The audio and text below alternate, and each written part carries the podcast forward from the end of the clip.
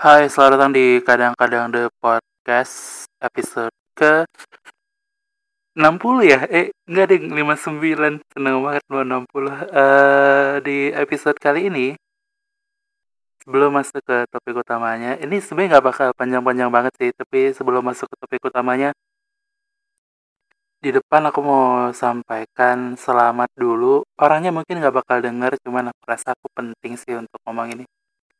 Eh, selamat menikah dan berbahagia kepada Bang Nanda dan Kak Tari eh, dari Audi Harap. Em, semoga pernikahannya lancar, eh, acaranya lancar, menjalani pernikahannya lancar, sakinah mawaddah warahmah, dan juga segala kebaikan-kebaikan diberikan kepada keluarga kecil kalian. Gimana sih sebenarnya ngucapin selamat menikah yang proper tuh gimana sih? Eh, jadi untuk yang nggak tahu biar nggak hilang konteks banget Bang Nanda dan Kak Tari. Sebenarnya aku lebih dekat sama Bang Nandanya sih. Ketemu juga nggak pernah, cuman kami tuh menjalani online friendship. Kenapa online friendship? Namanya alay banget. Eh, ya itulah kami temenan online udah tiga tahun dan merasa deket banget. Dan aku senang aja sih. eh, akhirnya Bang Nanda menemukan tambatan hatinya setelah tiga tahun berkelana di sebuah aplikasi yang wow sekali. Lah udah kita lanjut ya kita masuk ke topiknya. Sekali lagi selamat untuk Liverpool sudah juara. Kenapa gitu sih? Patah banget enggak? Bercanda. Oke, selamat kepada eh, Bang Nanda sudah berhasil menemukan pendampingnya. Langsung masuk ke topik biar nggak awkward. Yuk.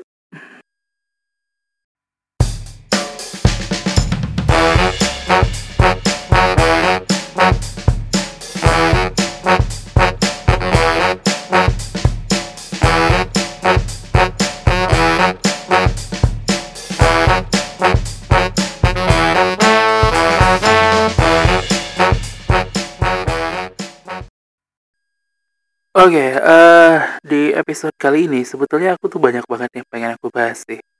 Pertama, aku baru aja nih eh setengah jam lah kira-kira habis dengerin siaran di radio. Ya ada notif kebiasaan emang nggak silent tuh kebiasaan.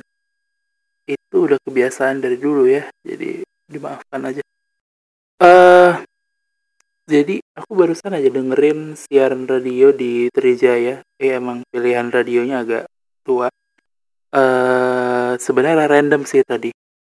Sambil kerja sambil buka-buka eh dengerin ternyata lagi ngomongin soal lembaga sensor film. Eh aku juga pengen ngomongin soal itu. Seberapa bagusnya pun lembaga sensor film tetap yang paling utama ya orang tua orang tua juga gitu. Maksudnya eh tapi aku ngerasa ada yang lebih penting gitu. Aku inget banget semalam pas banget itu. Eh, kita harus mundur agak jauh sih, guys. Eh, guys. Eh pertama aku tuh dari dulu emang sering sekali senang untuk confirm something gitu lah ya, mengkonfirmasi sesuatu. Eh di lingkungan mana pun, aku sering banget kalau aku tahu sesuatu yang salah dan orang lagi kayak jadi misalnya ada ada hoax. Atau ada berita yang salah. Terus aku tahu. Aku nggak akan bilang hey teman-teman berita ini salah loh. Aku nggak akan bilang gitu. Cuman aku akan counter ketika ada orang bikin status tentang berita itu tentang berita yang salah itu tentang jadi ketika ada orang yang melakukan menyebarkan hoax menyebarkan berita yang salah gitu aku baru akan counter. Kalau enggak aku bakal diem aja sih gitu. Maksudnya aku aku cukup diem aja.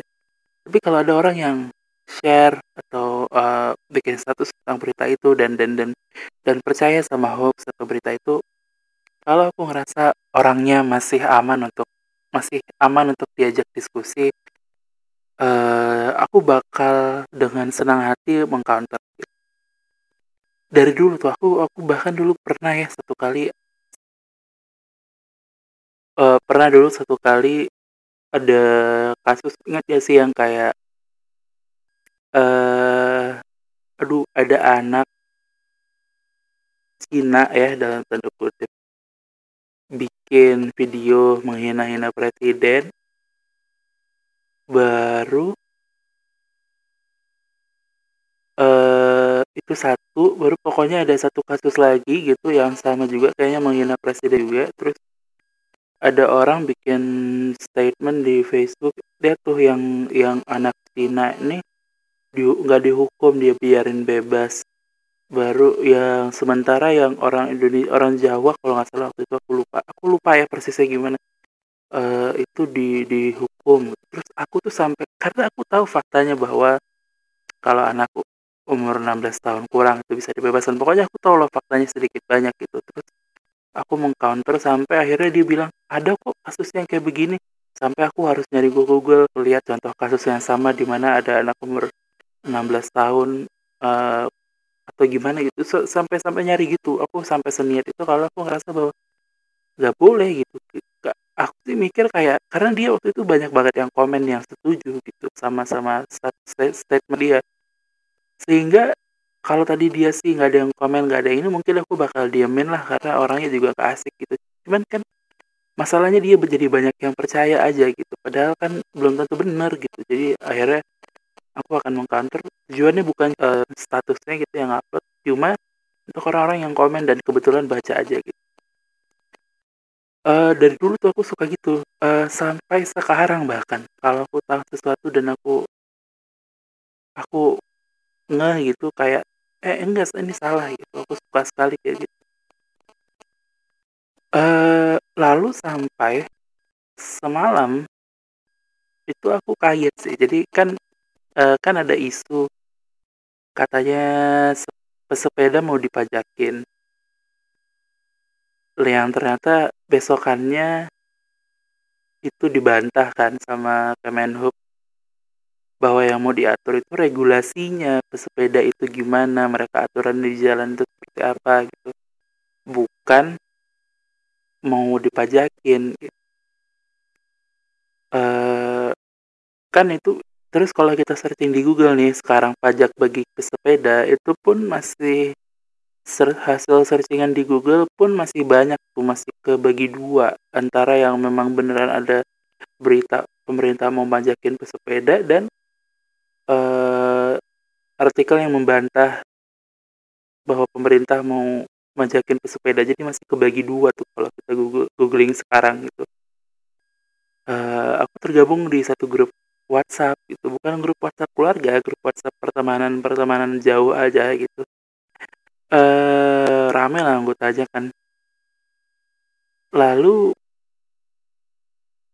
aku aku kan udah tahu tuh bahwa ini tuh bukan gitu ini udah dibantah loh gitu aku udah tahu kan tapi kan aku diam aja. Terus pagi-pagi gitu ada yang komen nih gitu. Gila ya pemerintah memajakin pesepeda gitu, gitu doang. Terus aku kan langsung dong pas respon karena kebetulan lagi mantengin WhatsApp aja kan. Terus eh itu udah dibantah loh isunya aku bilang gitu.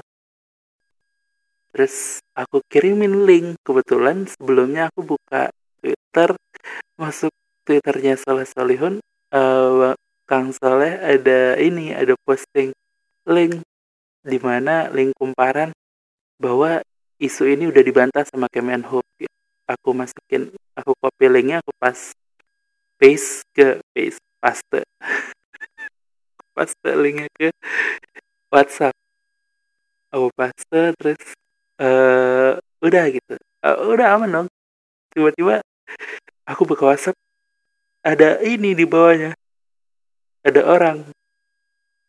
Tulis buzzer RP aduh iya itu kayak wah gila emosi jiwa saya langsung apa sih kenapa buzzer RP gitu? Aduh gila. Aduh aduh gila, aduh nggak ngerti sih maksudnya. Jadi ini sebenarnya inti dari podcast ini adalah keluhan semata sih. Maksudnya kenapa sih gitu kan gak gitu dong konsepnya. Maksudnya tiba-tiba kita karena kita ngasih link berisi bantahan dari isu yang berkembang dan link dan bantahan itu datang dari pemerintah lah langsung buzzer RP gitu. Maksudnya apa sih? Hey tolong dong gitu. Aku emosi tapi aku pengen mbak masalahnya itu andaikan dia nulis itu sambil nge-reply uh, linkku ya aku bakal balas sih. Cuma masalahnya dia nggak reply jadi kayak no mention aja gitu. Dia tiba-tiba nulis buzzer RP dan aku tahu lah tipe-tipe orang kayak begitu kalau aku tiba-tiba bilang kenapa ya mas buzzer RP dia pasti akan bilang enggak aku bukan ngomongin kamu gitu. Padahal kan udah jelas gitu. Terus uh, akhirnya ini jadi berlanjut gitu bahwa nggak nggak semuanya bagus gitu. Maksudnya aneh banget sih kayak heran aja gitu masa ngebantah hoax, ngebantah isu, ngebantah berita yang salah kemudian jadi dikategorikan sebagai pendukung pemerintah gitu? Maksudnya gimana? Kita mau berdiri di mana? Ini aku nggak ngerti aja gitu bingung. Kaget aku tuh kayak buzzer RP aduh nggak siap. Kayak attack gitu. Wih santai bos gitu. Tapi serius dan karena bingung dan dan dan ini ini kan jadi jadi kepikiran gitu. Ya kayaknya ini ini alasan-alasan orang nggak mau nggak mau ngomong lagi gitu. Maksudnya ya udahlah biarin aja lah orang dengan dengan segala pemahamannya. Orang ngomong dikit langsung dibilang buzzer RP gitu. Maksudnya ya ngapain lagi gitu. Oke. Iya aman. Ngapain lagi? Aku sih mungkin bakal tetap ngomong aku nggak akan berhenti dengan dibilang buzzer RP sih cuman maksudnya orang lain gitu bayangin ada orang yang anak-anak anak muda gitu kayak baru tahu dikit terus dia mencoba untuk membantah sesuatu dan langsung dibilang buzzer RP sih. Aduh kejam. Tapi emang medsos tuh tempat yang kejam ya akhir-akhir ini kayak uh, aku nggak siap aja kayak semua orang ngalamin masalah gitu. Uh, dan dan dan semuanya gitu. Aku nggak aku nggak siap kayak Ardito Pramono juga kena masalah uh, plagiasi lah apalah gitu. Semuanya semuanya semua yang semua yang ngomong tuh kena masalah.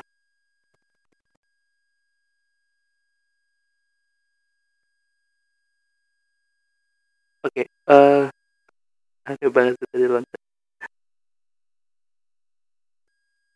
Iya jadi nggak ngerti gitu maksudnya kenapa kalau kita ngomong sesuatu tuh nilainya jadi tersi even kalaupun misalnya aku selama ini pendukung pemerintah lalu aku mau batas sesuatu yang benar ya ya yang benar harus tetap benar gitu kita nggak boleh karena dia pendukung pemerintah maka opini apa pun yang datang dari dia maka itu adalah opini atas dukungannya terhadap pemerintah Nah gitu, lagian pun ini bukan opini loh, ini kita cuma nunjukin fakta. Gitu.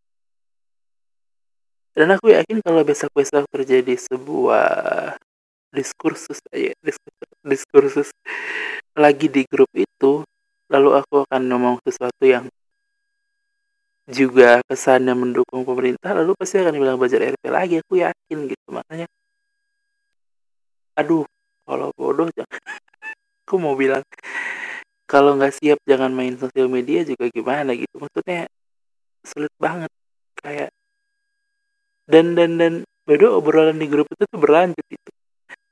Uh, mereka sampai ngomongin ya pemerintah majakin sepeda ini semua streaming digital di, di dipajakin. Dan aku kayak kan ini isu yang udah dibantah ya kenapa jadi dipanjangin gitu? Dan mereka di, di grup itu pun sampai sampai ribut beneran kayak e, menurut hukum kan pajak seperti ini harus diatur dan segala macam gitu.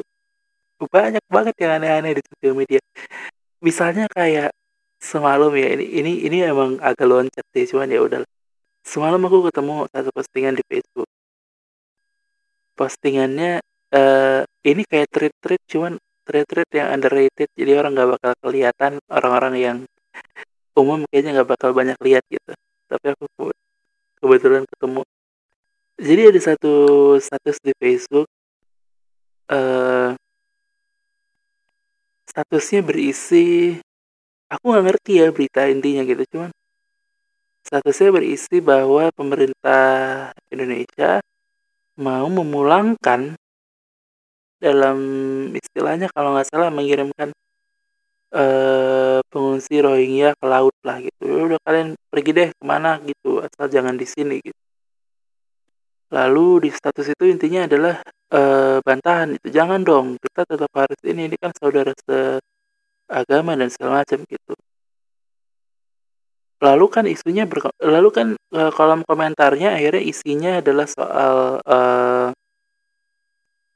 ya tapi kan ada hukum tata negara, ada hukum apa dan segala macam dan dan dan kita kan nggak bisa tetap ngasih uang untuk untuk sumber daya hidup mereka gitu. Maksudnya ya kita tetap harus dibiayain dan dan dan ini nggak ada ini bukan tanggung jawab kita sepenuhnya gitu. Terus, uh, tapi juga kemudian ada sisi yang datang, uh, pro bahwa harus tetap tinggal di Indonesia harus dirawat dengan semestinya bahkan ada yang bawa-bawa peristiwa uh, tsunami di mana dukungan datang dari seluruh negara lah ini segala macam ini sekarang kita juga harus mendukung uh, saudara-saudara kita sama muslim dan segala macam gitu. Ya aku sih kalau ditanya gimana aku juga nggak ngerti karena aku nggak ngedalamin isunya gitu. Cuman fokusku sih ke kolom komentarnya gitu. Maksudnya belang banget. Belang banget kayak ada pendukung kontra kontra banget itu yang kayak pokoknya segala segala belangnya tuh gini. Pokoknya yang kontra bahwa enggak dong mereka harus dikembalikan ke laut gitu. Yang kontra itu kontra banget sampai kayak segala sesuatu yang ada hubungannya dengan uh, alasannya mendukung sesama muslim itu nggak boleh. Dia nggak akan terima. Dia akan tolak secara keras. Yang pro juga gitu, yang pro bahwa kita harus menjaga mereka karena mereka saudara sesama muslim juga. Pronya pro banget. Dia nggak akan peduli orang yang dengan dengan basic pemikiran bahwa ini ada uh, peraturannya dan segala macam itu enggak. Jadi bayangin isi kolom komentarnya di satu komen kita ngelihat komentar misalnya yang kayak iya setuju semoga diberikan uh, pencerahan kepada pemerintah amin. Gitu. Terus ada yang komen tapi kan ini ada aturannya bukan cuma sekedar urusan agama dan saudara se muslim gitu.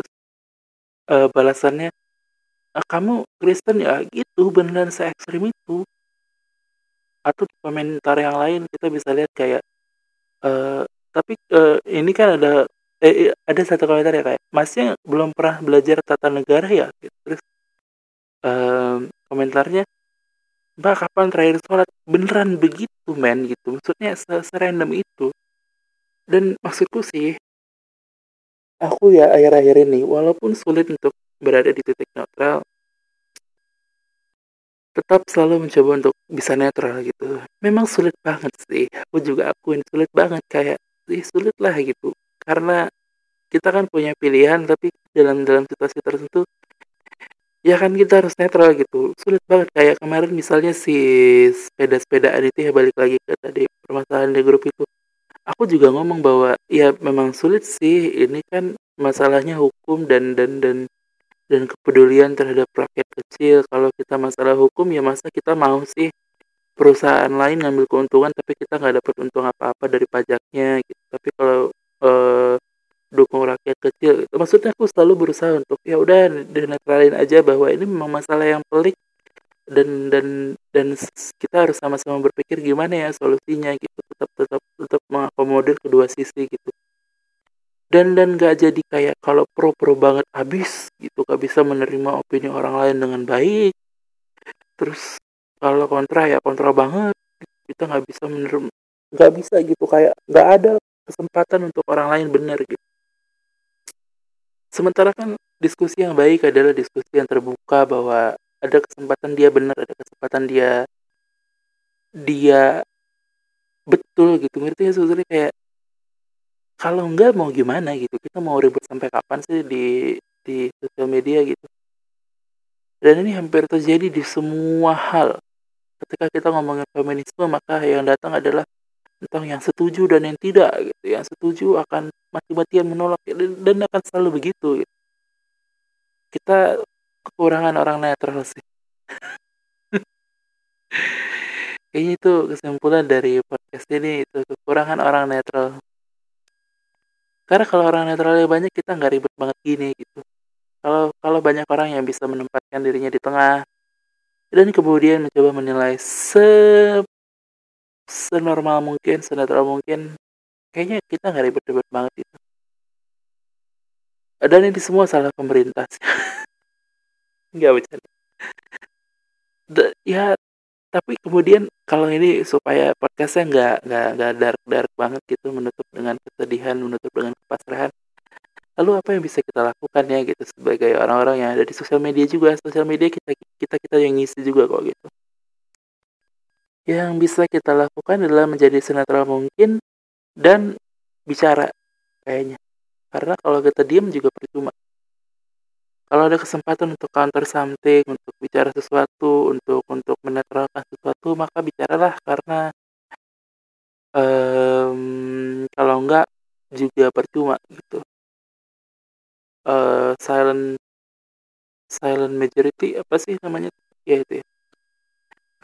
Karena kalau enggak percuma. Jadi pertama kalau kita ngerasa selama ini kita mungkin belum netral-netral banget ya berusaha untuk senetral mungkin sulit banget aku juga ngerasa kayak kadang-kadang eh, kayaknya aku terlalu mendukung pemerintah ya gitu kayak misalnya uh, isu nggak isu sih misalnya kayak topik uh, tuntutan jaksa gitu.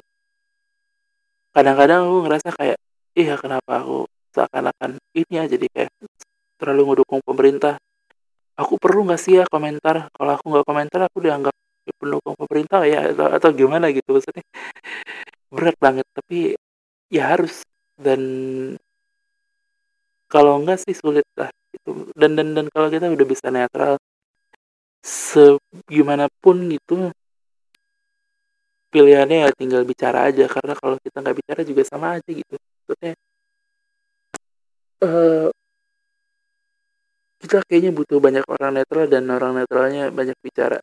Makanya subscribe channel at banyak bicara di telegram apa sih di? Udah sampai jumpa di episode selanjutnya. Saya menonton film Ramli Oramli di TVRI uh, nanti reviewnya mendatang di selanjutnya karena film ini akan ada di YouTube tapi YouTube-nya saya lupa. Udah sampai jumpa di episode selanjutnya. Eh by the way aku juga ada challenge challenge untuk tak kenal maka kenalan yang malas dengerin. Jadi aku lagi bikin challenge untuk uh, namanya dialect challenge dialect challenge dialect challenge. Aku mau belajar suku Bugis dialek dan bahasanya nanti uh, aku bakal baca satu berita satu cerita di mungkin dua minggu lagi. Udah sampai jumpa di episode selanjutnya. Dadah